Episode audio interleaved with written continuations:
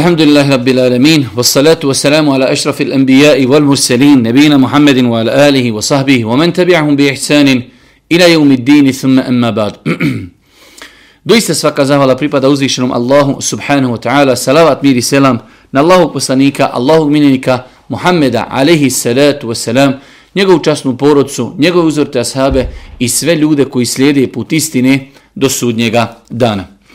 Uvažna braćo, poštovani sestre, uvaženi gledatelji, evo napokon nakon e, deset dana ili malo više pauzi, vraćamo se našem projektu Zimske škole Islama.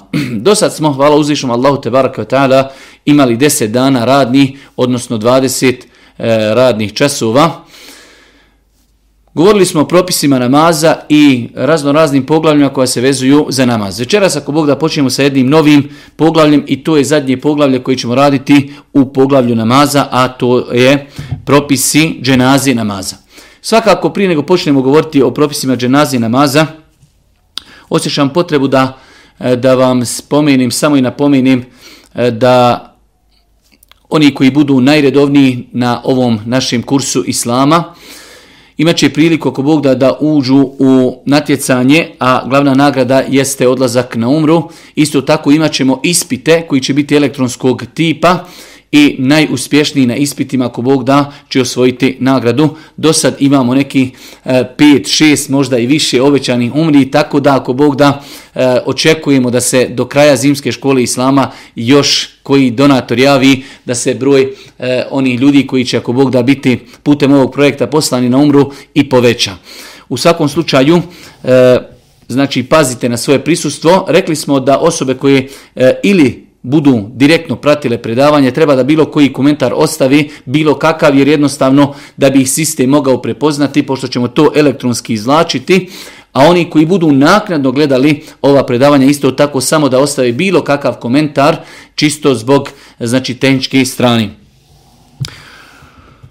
Večeras ako Bog da počinjemo da govorimo o propisima koji se vezuju za dženazu, namaz, dženaza, namaz, e, odnosno i sama dženaza i dženaza, namaz, jedno posebno poglavlje u dženazu E, islamskom pravu fiku, islamski učenjaci su čak pisali zasebna dijela u kojima su detaljno govorili samo o propisima dženazi i određenim drugim propisima koji se usko vezuju za dženazu.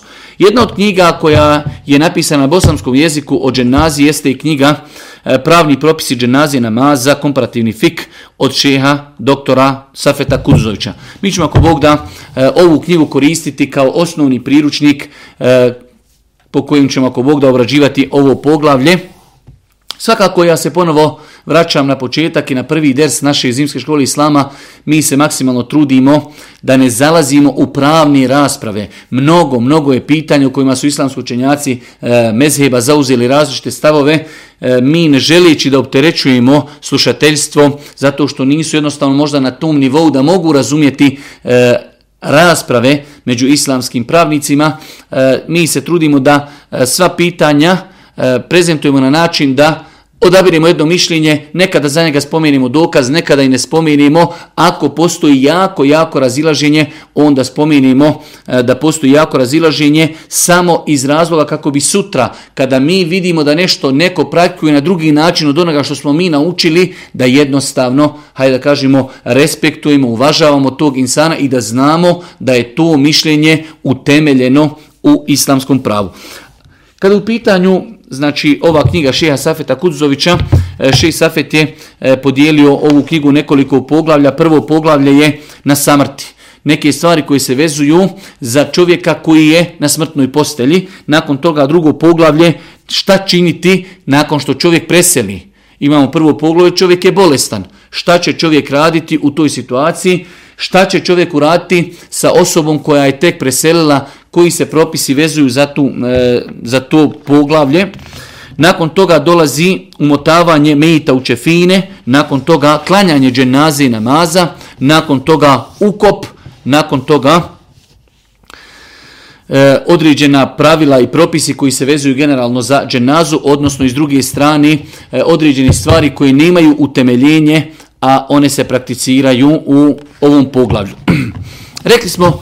E, prvo poglavlje, Ši Safet Kudzović, Allah nam ga poživio u svakom dobru, e, u ovoj knjizi e, stavio je da su to propisi koji se vezuju za insana na smrtnoj postelji.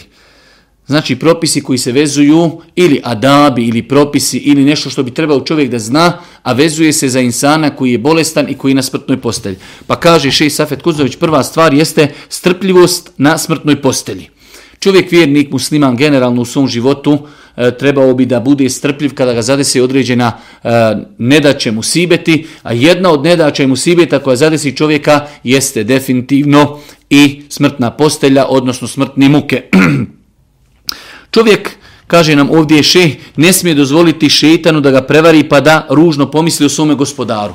Znači čovjek vjernik bi trebao generalno da ima lijepo mišljenje o svome gospodaru, a naročito Naročito bi vjernik trebao da ima lijepo mišljenje u svome gospodaru kada osjeti da mu se prima kao eđel i da je znači e, smrtni čas kucnuo, tada bi trebao da ima lijepo mišljenje u svome gospodaru da se nada da će mu Allah oprostiti, da se nada da će mu Allah ukabuliti ona njegova dobra djela koja je činio i da se nada da će ga Allah poštediti i sačuvati od e, strašne kazni.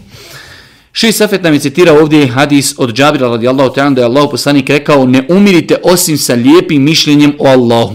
U citiranom hadisu je poruka da treba često vjerovati da će Allah primiti dobra djela i prijeći preko loših djela. Allah poslanik kaže nemojte umirati, ne umirite osim da imate lijepo mišljenje o Allahu. Lijepo mišljenje o Allahu jeste da čovjek znači e, misli o svome gospodaru i da bude ubijeđen da će primiti njegove ibadete i da se nada da će ga uzvišeni Allah subhanahu wa ta'ala poštijeti i sačuvati od kazni. Ovdje nam Šej Safet citira jedno e, veliko životno pravilo, a to je da bi čovjek vjernik trebao da u svome životu bude e, kao jedna ptica koja ima dva krila. Vi znate da ptica ne može letjeti sa jednim krilom. Pa bi čovjek vjernik u životu trebao da bude poput ptice koja ima dva krila. Naša dva životna krila jeste život između straha i nadi.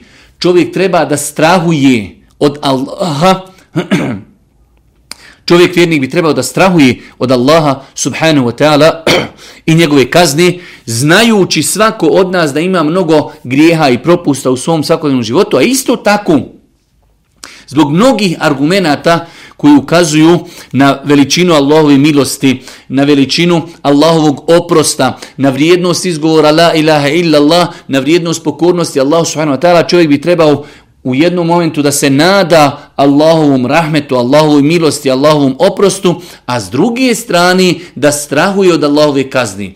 Pa ako jedna od ove dvije strane prevagnu, moglo bi čovjeka odvesti u pogrešnom pravcu. Pa ako čovjek bude samo govorio, kao što velik broj naših bošnjaka govori Allah će oprostiti, Allah će oprostiti, Allah će oprostiti, to će odvesti čovjeka da čovjek ne prakticira ono što zna. Jednostavno, prevagnula je nadao Allahu milost. A isto tako, ako čovjek bude samo strahovao od Allahovi kazni, i to ga može odvesti u pogrešnom pravcu. Enes ibn Malik radijallahu ta'ala prenosi da Allahov poslanik ali se letu selam jednog dana ušao kod mladića koji ležao na smrtnoj posteli. Poslanik ali se letu selam ga upita kako se osjećaš u ovim momentima. Tako mi Allaha, o Allahu poslanice, nadam se oprostu gospodara i strahujem zbog počinjenih grijeha. Reče, Allahov poslanik ali se letu selam tada odgovori ko se E, kada se spoje ove dvije stvari, strah i nada u srcu vjernika dok je na smrtnoj postelji, Allah će mu dati ono čemu se nada i sačuvat će ga onoga od čega strahuje. Vidimo ovaj hadis jasno nam ukazuje da čovjek i na smrtnoj postelji treba da strahuje od Allahove kazni. Svi mi znamo da imamo propusta, grijeha i tako dalje, ali isto tako, u istom momentu da se nada Allahovoj milosti, svi smo mi rekli la ilaha illallah, svi smo mi muslimani, svi mi klanjamo, svi mi postivamo, svi mi dajemo sadaku, svi mi dajemo zekijat, idemo na hađ, idemo na umru, ostavljamo mnoge grijehe, pa znači imamo mi razlog Zašto da očekujemo Allahovu nagradu, a isto tako imamo razloga jer znamo da smo činili određene grijehe da strahujemo od Allahove kazni. Pa ovaj hadis je jedna, jedna veoma e, lijepa radosna vijezda. Allaho poslanik ali se ratu osram kaže kada se spoje ove dvije stvari, strah i nada, u srcu vjernika dok je na smrtnoj posteli Allah će mu dati ono čemu se nada i sačuvat će ga od onoga vjernika od čega strahuje. Pa znači lijepo je i pohvalno da čovjek kada osjeti da mu nastupaju smrtne muke, a i u svakodnevnom svom životu, da strahuje od Allahove kazni, a isto tako da se nada njegovom oprostu, njegovom rahmetu i njegovoj milosti. E, drugu stvar koju nam je spomenuo šeh u ovom poglavlju jeste da je lijepo u islamu i propisano da ljudi, ako je neko već bolestan, bez obzira da li to bile znači, e, smrtna postelja ili ne, u islamu je propisano da se E, obilaze bolesnici i vidjet ćemo da u islamu su obećane velike, velike nagrade onim ljudima koji e, posjećuju bolesnike. Pogledajte opet kako je e, vjera islam društvena, društvena vjera, društvena religija. Čovjek kada je bolestan, tada znači njemu vrijeme sporo prolazi. Dosadno mu je, bolovi su. Jednostavno, mnogo mu znači kada neko dođe kada ga posjeti. Mnogo mu znači kada neko kod njega posjedi 15-20 minuta, kada sa njim progovori, kada mu citira neki kuranski ajed, kada ga prisjeti na nagradu koja očekuje bolesnika i tako dalje.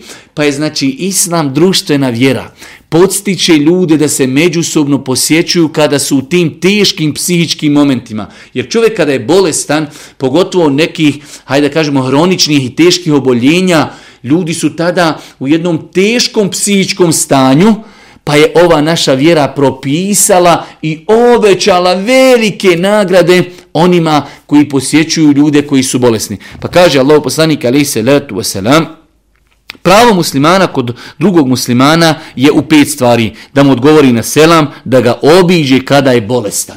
Znači, musliman ima pravo, to jest s druge strane, naša je obaveza da odemo i da obiđemo brata muslimana.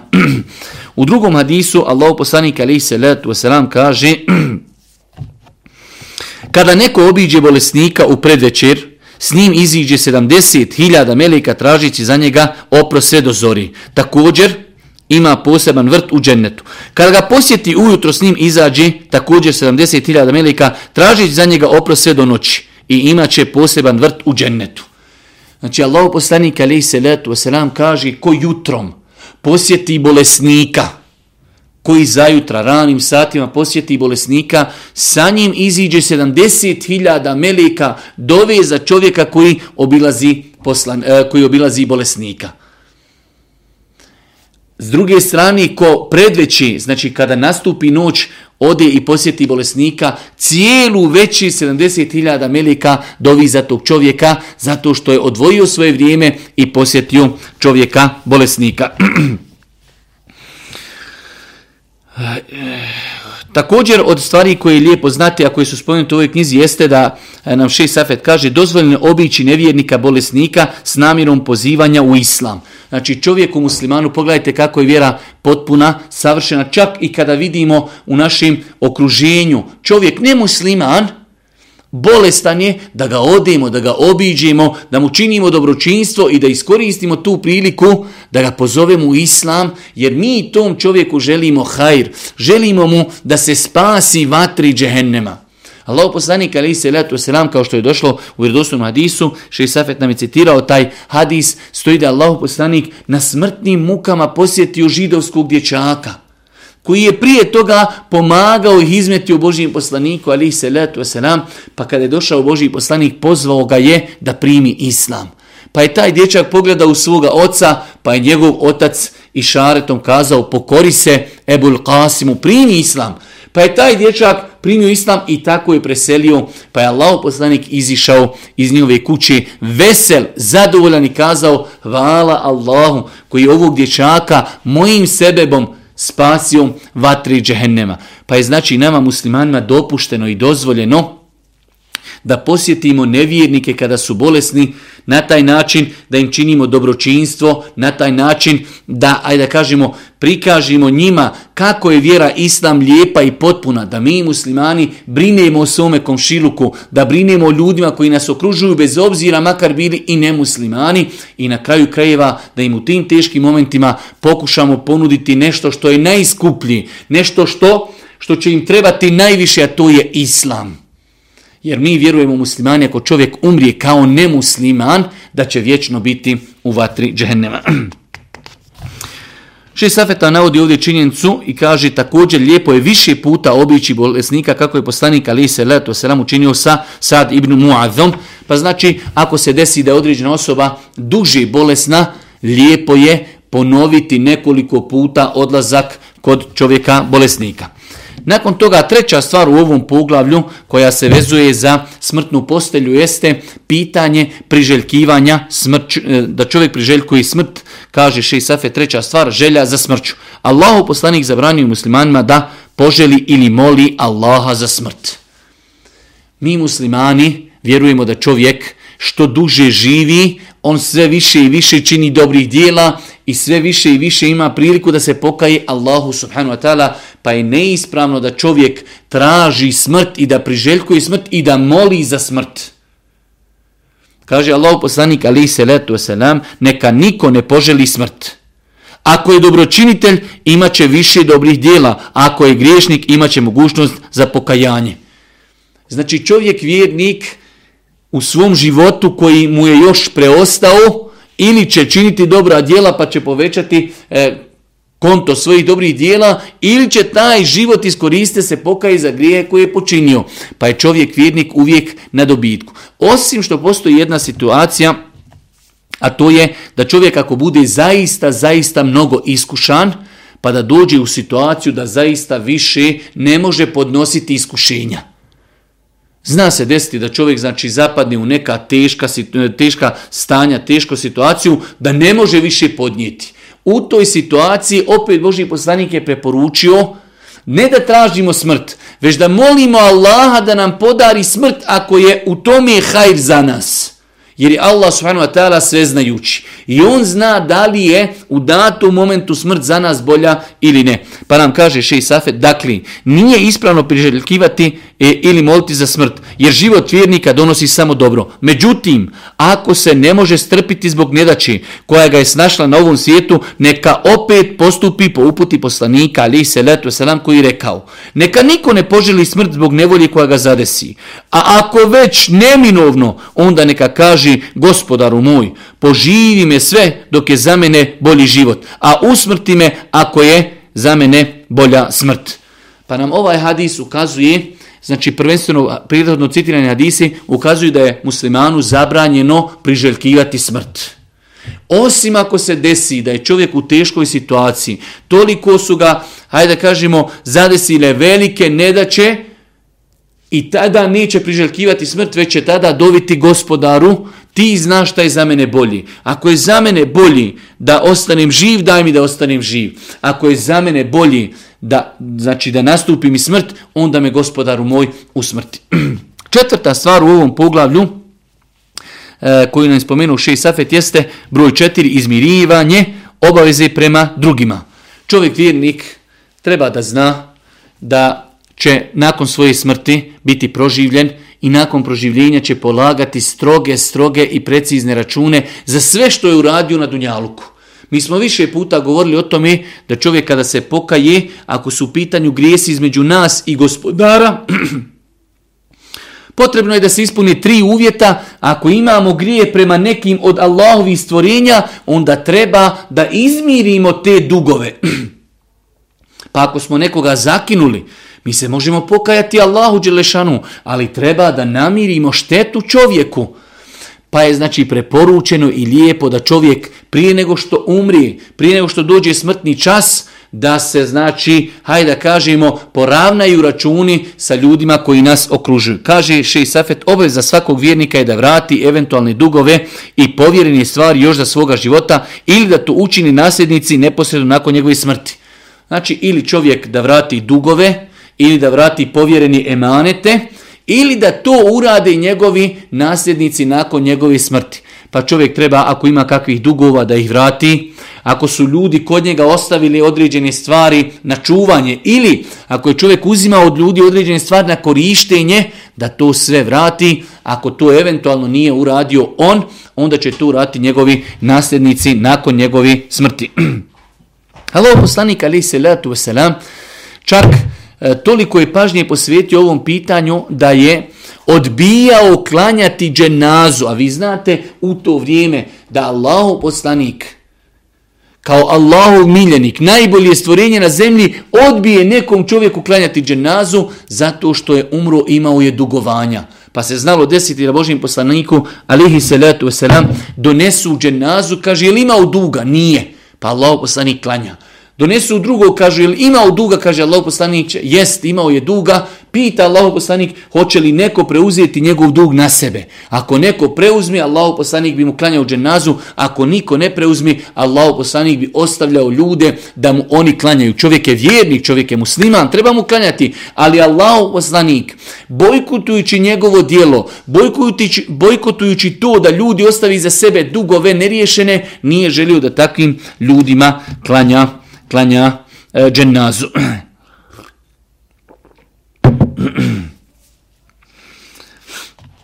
E, Ši Safet nam je citirao ovdje jedan lijep hadis iz kojeg se vidi kako su ljudi iz prvih generacija pazili na te stvari od Džabira ibn Abdullaha.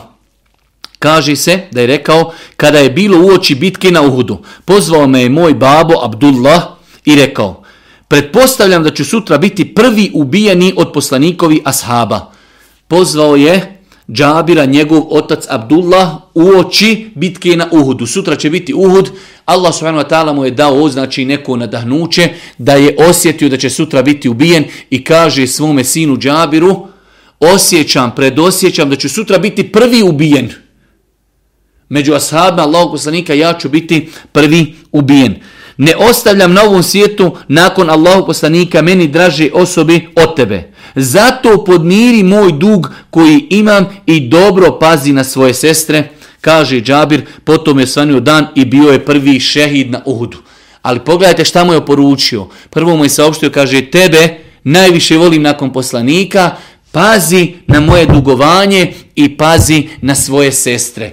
I vidjet ćemo da postoje mnogi hadisi u Buhari i Muslimu da je Džabir ispoštovao ono što mu je otac e, ajde da kažemo poručio kada je došlo vrijeme branja datula, znači e, pobrao je datule, bio je veliki manjak, deficit datula, nije mogao da vrati sve dugove, pa je Allah poslanik pregovarao sa židovom koji je znači njima dao, koji, a oni su njemu bili dužni datule, pa je pokušao sa njim da im prolongira te dugove, on je odbio, onda je Boži poslanik preuzeo na sebe. Džabir je okupio sve datule koji su oni pobrali, pa mu je Boži poslanik, hajde da kažemo, vagao i grabio dok mu nije sve izmirio zbog bereketa Božijeg poslanika. Znači, e, datula je i ostalo, a izmirili su dugove koje je imao Džabirov otac Abdullah, a isto tako kada su u pitanju njegove sestre, poznati onaj hadis da je Allah poslanik jedne prilike vidio da je se Džabir oženio pa ga je pitao jesi li oženio djevicu ili si oženio djevo, ženu koja je bila udavana, pa je kazio Allah poslanik oženio sam ženu koja je već bila udavana.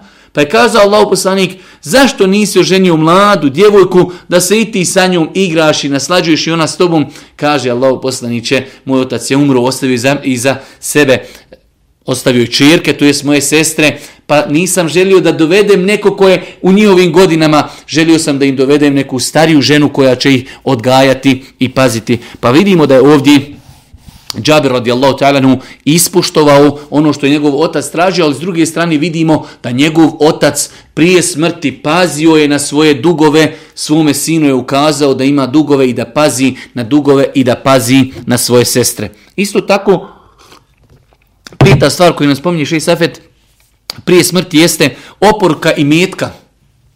Oporuka i metka. Generalno gledajući jedno od pitanja koje je kako zapostavljeno na našim podnemljima jeste e, šerijetska podjela i metka.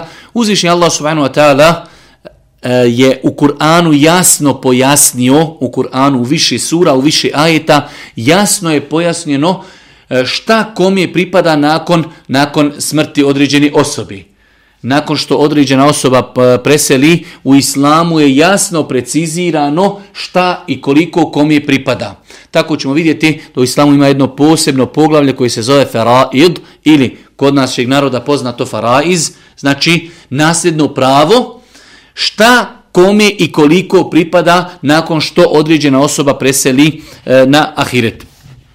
Ono što je ovdje eh, spomenuto jeste činjenica da je čovjeku vjerniku dozvoljeno da ostavi u emane, to stavi u vasije, to stavi u oporuku do trećine svoga imetka nekome ko nije njegov nasljednik. Znači imamo dvije veoma bitne klauzule. Velik broj ljudi ova pravila ne zna. Prva stvar, čovjek znači za svoga života može ostaviti u vasije, tu oporuku, dio svoga imetka, ali mora imati u sebi dvije komponente – da ga ostavlja neko mi ko nije nasljednik. Jer nasljednicima je definisano šta će dobiti. Uzvišeni Allah je precizirao šta će dobiti. Pa ako čovjek, hajde da kažem, ima e, dvoje muške djece i jedno žensko, ostaje supruga i ta njegova braća, svima njima je precizirano ako ovaj čovjek umrije šta će dobiti muška djeca, šta će dobiti ženska, šta će dobiti supruga, šta će dobiti njegova braća i tako dalje. I obrnuto, ako preseli žena, šta će dobiti njen muž, šta će dobiti njena djeca i tako da. Čak ako preseli djete, šta će dobiti njegov otac, njegova majka i tako dalje. Pa je islamom strogo precizirano šta će ko dobiti i koliko. Ali je čovjeku dozvoljno za svoga života da ostavi opor kada kaže ja kada preselim od moga i metka taj i taj dio dajte tom i tom. Ali imaju te dvije klauzule, da ne prelazi trećinu imetka i da ne oporuči ništa svojim nasljednicima, jer nasljednici će dobiti ono što ih sljeduje.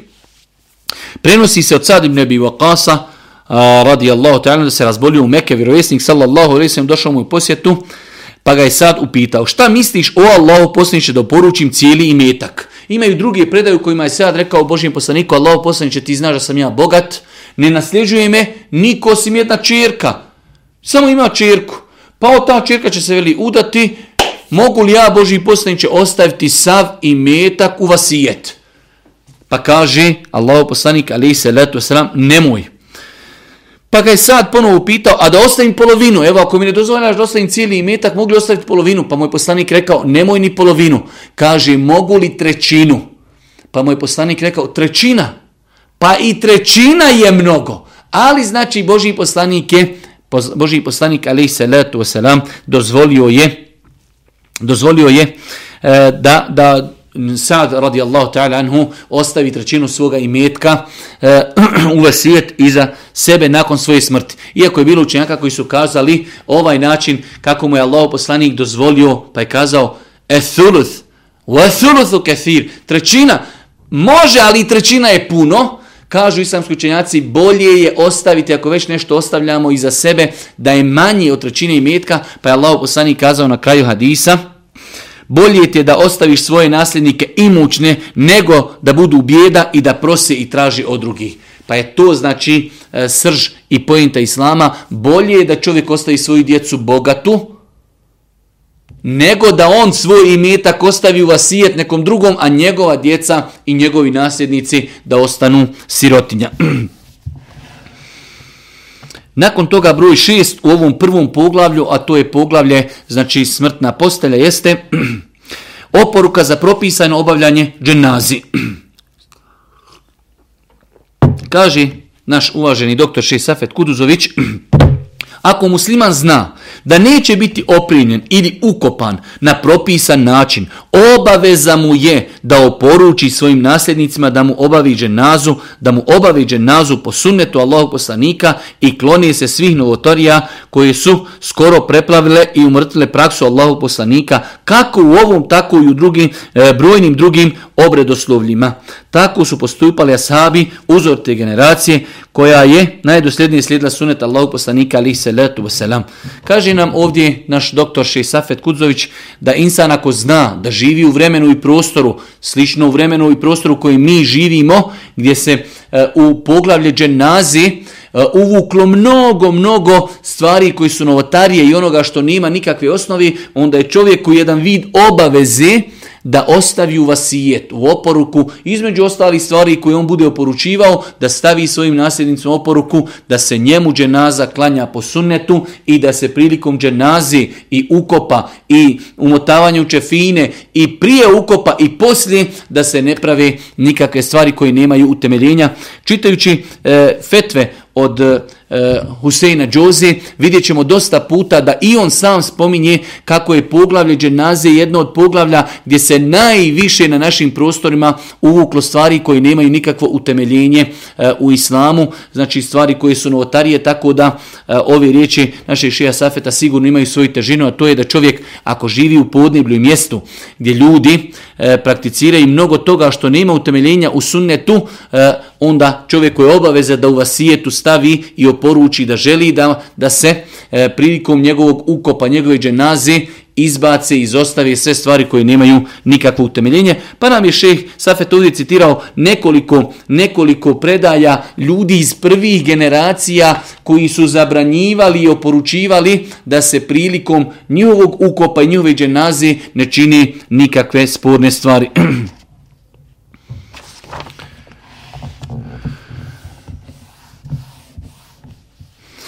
Broj 7 od e, propisa koji se vezuju za e, smrtnu postelju, prvo poglavlje knjige e, Šeha Safeta, pravni propisi dženane zanaza, jeste talqin, posticanje na izgovor kelima i šehadeta. Kaže nam šeh, lijepo je posticati čovjeka pred njegovu smrt da izgovori šehadet, jer su to najbolje riječi koje se mogu izgovoriti u tom momentu. Znači, lijepo je i pohvalno je da se osoba koju su nastupile smrtne muke podstiče na izgovaranje la ilaha illallah, jer su tu najskuplje i najbolje riječi koje čovjek može izgovoriti u tom momentu i u svim drugim momentima. Pa prvi propis kojeg ćemo večeras naučiti u poglavlju telkina jeste da je pohvalno da osoba kojoj su nastupile smrtne muke, znači vidi ljudi oko njega da su tu njegovi posljednji sati ili posljednje minute života, da ga podstaknu na izgovaranje riječi la ilaha illallah, Muhammedu Rasulullah. Nakon toga ćemo govoriti zašto i kako. Ali prva stvar koju treba da naučimo jeste da je to pohvalna stvar u islamu. Došlo je u vjerodostojnim hadisima da je Boži poslanik kazao Lekinu meutakum.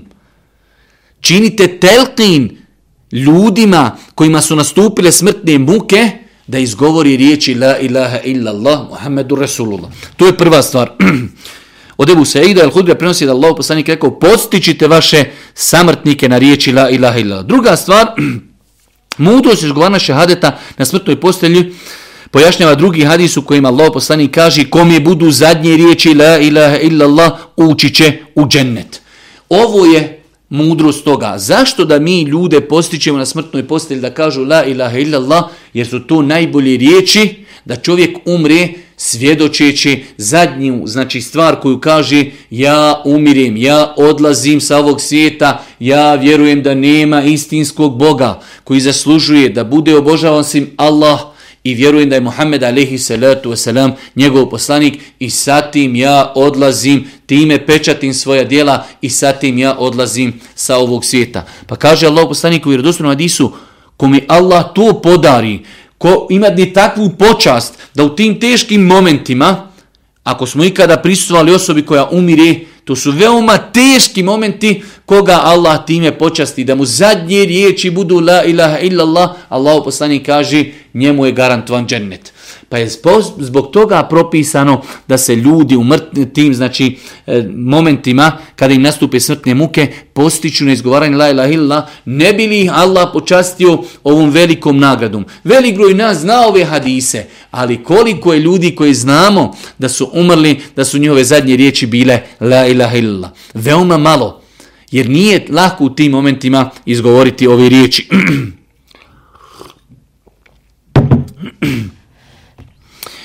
Islamski učenjaci kada govori i Šej Safet nam je ovdje o tome i malo govorio, a to je kako i na koji način podsticati e, čovjeka da izgovara la ilaha illallah. Zašto? Iz razloga što su tu teški momenti. Nekada su to smrtne muke, bolovi, znači veoma teško, može se ne daj Bože desiti da šetan čovjeka savlada i nadlada pa da čovjek počne ne daj Bože i vrijeđati i psovati i tako dalje. Pa kažu islamski učenjaci čovjek će posticati insana shodno situaciju u kojoj se nalazi. Ako čovjek je znači svjestan i privata ono što mu se govori, tada će mu se direktno kazati da mu se kaže insanu koji na smrtoj postelji po imenu i prizmenu reci la ilaha illallah, Allah te nagradio, ti si sada u zadnjim momentima svoga života, reci la ilaha illallah, ne bili tvoje zadnje riječi bile la ilaha illallah, pa da umriješ na tome. Znači imamo situaciju ako znamo da će to mejit prihvatiti i vidimo po njegovom izgledu i situaciju koji se nalazi da razumije to, reći ćemo direktno. Ako vidimo da mu je to preteško, onda ćemo ga mi indirektno asocirati gdje ćemo mi poluglasno izgovarati la ilaha illallah u vidu zikra. Pa ćemo mi pored njega stati i govoriti la ilaha illallah, la ilaha illallah, la ilaha illallah, da njega indirektno asociramo da on kaže la ilaha illallah. Ili ćemo nekomi... mi znači aludirajući na njega, ali nekome ćemo pre, govoriti o tom propisu, pa ćemo nekome o, od prisutnih kazati, je znate li vi za hadise da Allah poslani kazao kome zadnje riječi budu la ilaha illallah ući će u džennet. Pa znači, e, insan treba da pažljiv bude jer su to osjetljivi momenti čovjeku duša izlazi, veliki bolovi, velika patnja, treba da bude pažljiv kako i na koji način će podstakijeti tog insana kojim su nastupile smrtne muke na izgovaranje riječi la ilaha illallah. Ovdje nam je ših Safet eh, spomenuo nekoliko, eh, eh, hajde kažemo, lijepih eh, događaja iz historije eh, kako se znalo desiti, pa imamo ovdje događaj Ebu Hatim i Muhammed ibn Muslim, su posjetili Ebu Zura'a Ar-Razija dok je bio na smrtnoj posteli. Ebu Zura'a Ar-Razija je bio veliki, veliki muhaddis. Pa su došla ova dvojica isto tako velikana da ga posjeti, a njemu je nastupile smo smrtne muke. Pa su njih dvojica razgovarali da on čuje. Pa su jedan drugog pitali, a znaš li ti hadis koga bilježi i koga prenosi o vrijednosti izgovaranja riječi la ilaha illallah na smrtnoj postelji. Pa kada jedan od njih počeo da govori Ebu Zura razi, taj veliki, veliki muhaddis, veliki hadijski ekspert, on je zase kaže, ja ću vam citirati taj hadis, od tog i tog i tog se prenosi da je Allah poslanik rekao, kome zadnje riječi budu, la ilaha illa Allah, ući će u džennet i nakon toga ispustio svoju dušu. Pa pogledajte kako su oni na lijep i mudar način, znači njega podstakli da izgovori riječi la ilaha illa Allah i to su mu bile zadnje riječi zadnje riječi. Ovdje nam šest safet eh, spominje jednu veoma lijepu stvar, a to je da eh, telqin, posticanje medjita na izgovaranje la ilaha illallah, biva za njegovog života. I svi hadisi koji govori o tome govori da treba čovjeka koji razumije, koji čuje, A telqin nakon smrti nema više nikakve fajde i nikakve koristi. Pa nam je šeh detaljno ovdje govori o tom pitanju. Oni koji imaju ovu knjigu mogu se detaljno vratiti da argumenti koji govori o tome da ima telqin posticanje Mejita da izgovori la ilaha illa nakon smrti, hadisi o tome su Daif i Ši Safet je ovdje spomenuo da e, hadis o tome ima četiri mahane i znači sve ti četiri mahane su toliko jake da taj hadis e, ne može biti vjerodostojan do te mjeri da može, može biti čak i ništa vam kaže Ši Safet. Kada pogledamo ovaj lanac prenoslaca i njegove brojne mahane, možemo slobodno kazati da je ovaj hadis potpuno ništav, a možda i apokrifan lažan. Te da nije dozvan rati po njemu, a uzvišeni Allah najbolje zna. Zato većina islamskih učenjaka smatra da se telqin čini prije nastupanja smrti. Ovo je također stav hanefijske pravne škole kako se navodi u priznatim hanefijskim izvorima. Znači, e, telqin se čini dok je čovjek svjestan i dok je na smrtnim mukama. Kada čovjek umri, kada konstatiramo da je čovjek mrtav, nakon toga više, znači šerijatski argumenti ne potvrđuju da postoji telqin nakon čovjekove, nakon čovjekove smrti. Ovdje nam je Šej Safet malo sa te hadijske strane spominjao da ima učenjaka koji su smatrali lijepim, lijepim da čovjek e, kod osobe e, koje su nastupile smrtne muke, da kod nje uči suru Jasin. Znači, po tom pitanju imamo hadis da je Allah poslani kazao učite suru Jasin vašim smrtnicima, a u jednom hadisu je također rečeno učenje sure Jasin olakšava smrtne muke. U svakom slučaju, šest Safet nam je ovdje konstatirao da e, taj hadis u pogledu njega postoji razilaženje među islamskim učenjacima i šest Safet preferira mišljenje da taj hadis nije vjerodostojni samim tim, znači ta, ta stvar nema utemeljenja. U svakom slučaju, kod islamskih učenjaka postoji jako razilaženje. E, neki velikani hadijske znanosti smatrali su ovaj hadis dobrim da se kod Mejita kojim su nastupile smrtne muke uči sura Jasin, tako da inšala biznila ako bi čovjek to i prakticirao, nadamo se da nije pogriješio iz razloga što postoji jako razilaženje kod učenjaka da li ovaj hadis vjerodostajan ili nije, pa znači ako bi neko i prakticirao, nećemo mu to negirati, ako neko i ne prakticira, isto tako nećemo mu negirati njegovo neprakticiranje, jer postoji, rekli smo, jako razilaženje podgledu tog hadisa i mi smo u jednom od prvih naših dersova spomenuli da jedan od razloga zašto se islamski učenjaci nekad raziđu jeste zbog toga da li je određeni hadis vjerodostojan ili ne. Pa oni koji kažu da je hadis vjerodostojan, oni rade po njemu, oni koji kažu da hadis nije vjerodostojan, oni i ne rade po njemu. Isto tako postoji e, stav znači kod islamskih učenjaka e, da čovjek nakon što preseli, nakon što mu iziđe duša, da se okrene u pravcu kibli. E, prva stvar sam taj postupak postoji jako razilažen kod učenjaka da li ima utemeljenje da se Megit nakon smrti okrene u pravcu Kibli. Velika većina islamskih učenjaka smatrala da se čovjek nakon smrti okreće u pravcu kibli, dok je bilo učenjaka koji su smatrali da je to neosnovan postupak.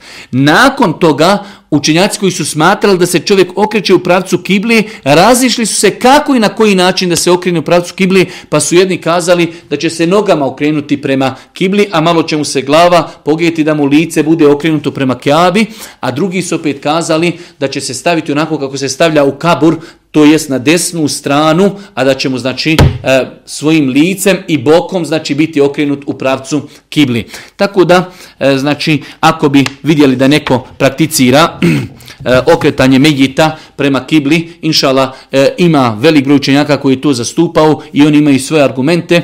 Eh, isto način okretanja u pravcu Kibli, postoje dva načina kako se Medjit može okrenuti u pravcu Kibli, a isto tako ako vidjeli nekoga da nije Medjita okrenuo zato što smatra da svi argumenti koji ukazuju na taj postupak nisu validni i nisu vjerodostojni, isto tako ne treba, hajde da kažemo, to osuđivati. Kaže šeš Safet na kraju, zaključit ovo pitanje pitanje odabranim mišljenjem imama Ibnu Hazma koji kaže okretanje smrtnika prema kibli je pohvalno. Ako to ne učini, ne zaslužuje se nikakav ukor. Mi ćemo, braćuma, drage cijene sestre, ovdje napraviti jednu kraću pauzicu od možda maksimalno 5 minuta, čisto da napravimo razliku između dva predavanja i nakon toga vraćamo se ovoj našoj knjizi, drugom poglavlju, šta činiti nakon što insan preseli. Subhaneke Allahumma ve bihamdike, ešedu in la ilaha ilaha in stakfiruke, vojetubu ilike.